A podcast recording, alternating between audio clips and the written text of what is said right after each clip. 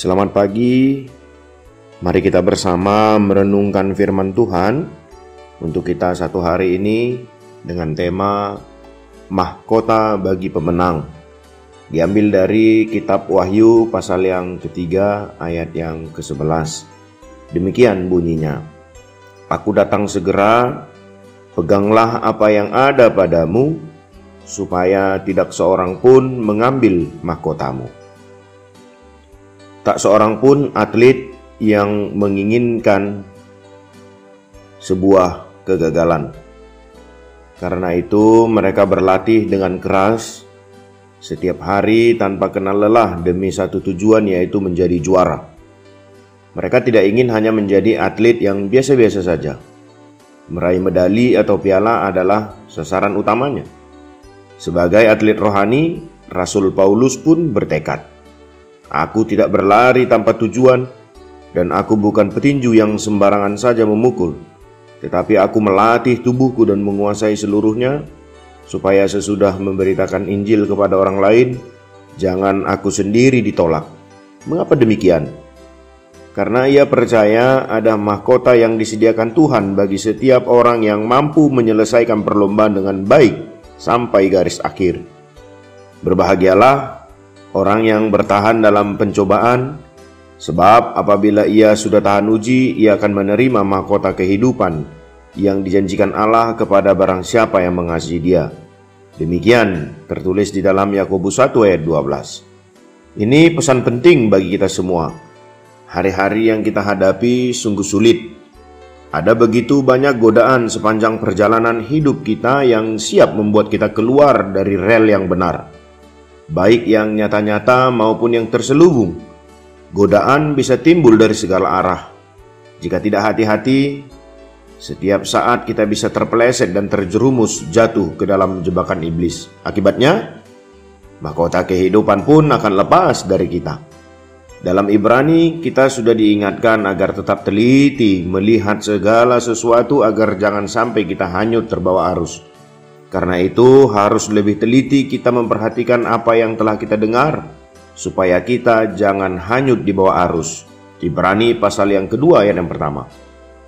Adalah mungkin untuk kehilangan mahkota kemenangan Anda yang seharusnya diberikan kepada Anda, diberikan untuk orang lain. Seperti Yakub menerima apa yang seharusnya milik Esau. Matias menerima apa yang seharusnya menjadi milik Yudas. Berjuang berarti berusaha dengan penuh semangat dan tekad yang tinggi. Karena di dalam kamus atlet tidak ada istilah bermalas-malasan atau ogah-ogahan saat berlatih atau bertanding. Bagaimana agar hidup kita yang singkat di bumi ini tidak sia-sia? Kita harus berlari mengejar mahkota itu dengan mempertahankan keselamatan dan menghasilkan buah dalam hidup ini. Mempertahankan keselamatan itu dengan cara bekerja segiat-giatnya sebagai seorang murid Kristus. Bagi seorang pemenang dijanjikan sebuah mahkota jika ia memegang dengan erat apa yang telah diberikan padanya oleh Allah melalui Kristus Yesus. Kembalilah kepada firman Allah Tuhan memberkati.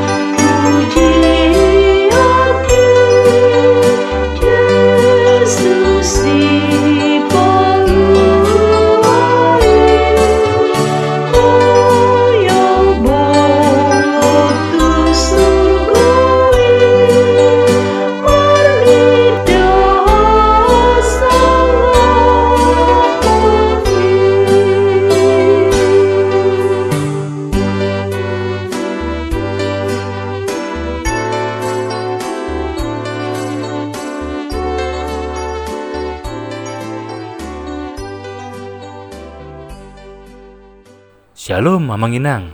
Terima kasih sudah mengawali hari dengan mendengarkan renungan hari ini.